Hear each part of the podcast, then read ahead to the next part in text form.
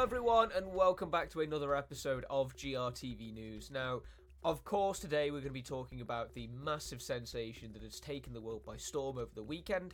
I think everyone kind of assumed that this game would do well with its whole premise and the way that it's sort of designed, but uh, the extent to which this game has done well has, has blown away many. And we're, of course, talking about Palworld, which debuted as a, a very early access game.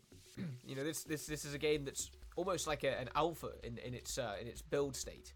Um, and from what we've seen as well, in a in a better quality version on the PC side of things than it is on the Xbox side of things. But despite that being the case, it's debuted as part of Game Pass, and um, fans have flocked to it in in serious serious numbers. So let's dive on in. Power Palworld has now topped 1 million concurrent players on Steam. The game has also sold 4 million copies in just 3 days.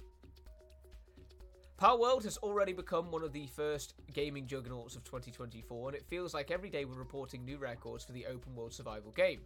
With its first weekend in early access drawing to a close, the game has now surpassed 1.2 million concurrent players on Steam. That uh, this is absolutely nothing to sneeze at, as only six games ever have achieved this feat, and it outranks the current or concurrent player records of heavy hitters like uh, Cyberpunk 2077, Baldur's Gate 3, and Elden Ring. Uh, developer Pocketpair also shared in the below X post that the game has sold 4 million copies in just three days. According to the post, the game has been selling 860,000 units per hour, which is a pretty insane pace considering it's still in early access. Are you one of the millions to have purchased Palworld? So, um, yeah, uh, that should that should say 86,000 units as well, not 860,000 units per hour. 860,000 units per hour, it might have topped 100 million players on Steam, concurrent players.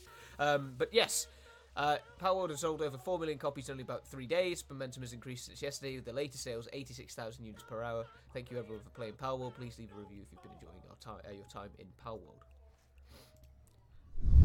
Now, the really, really interesting thing to take from this is that this information is going from actual game sales.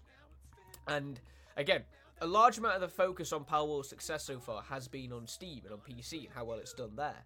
Um, it's hard to tell how much or how many players are being added to the total pool through Xbox because again, it's a Game Pass title. And what we've seen in the past is that Game Pass titles uh, generally have a massive influx of players if they're launched on the service on day one, of which Palworld was. So, no doubt, if it's uh, 4,000 sold copies, right, people who have actually spent money to buy the game and not through the subscription service, no doubt the total number of players is, is through the roof right now. But um, no doubt we'll hear more about this over the coming week. Uh, it's going to continue to succeed, no doubt.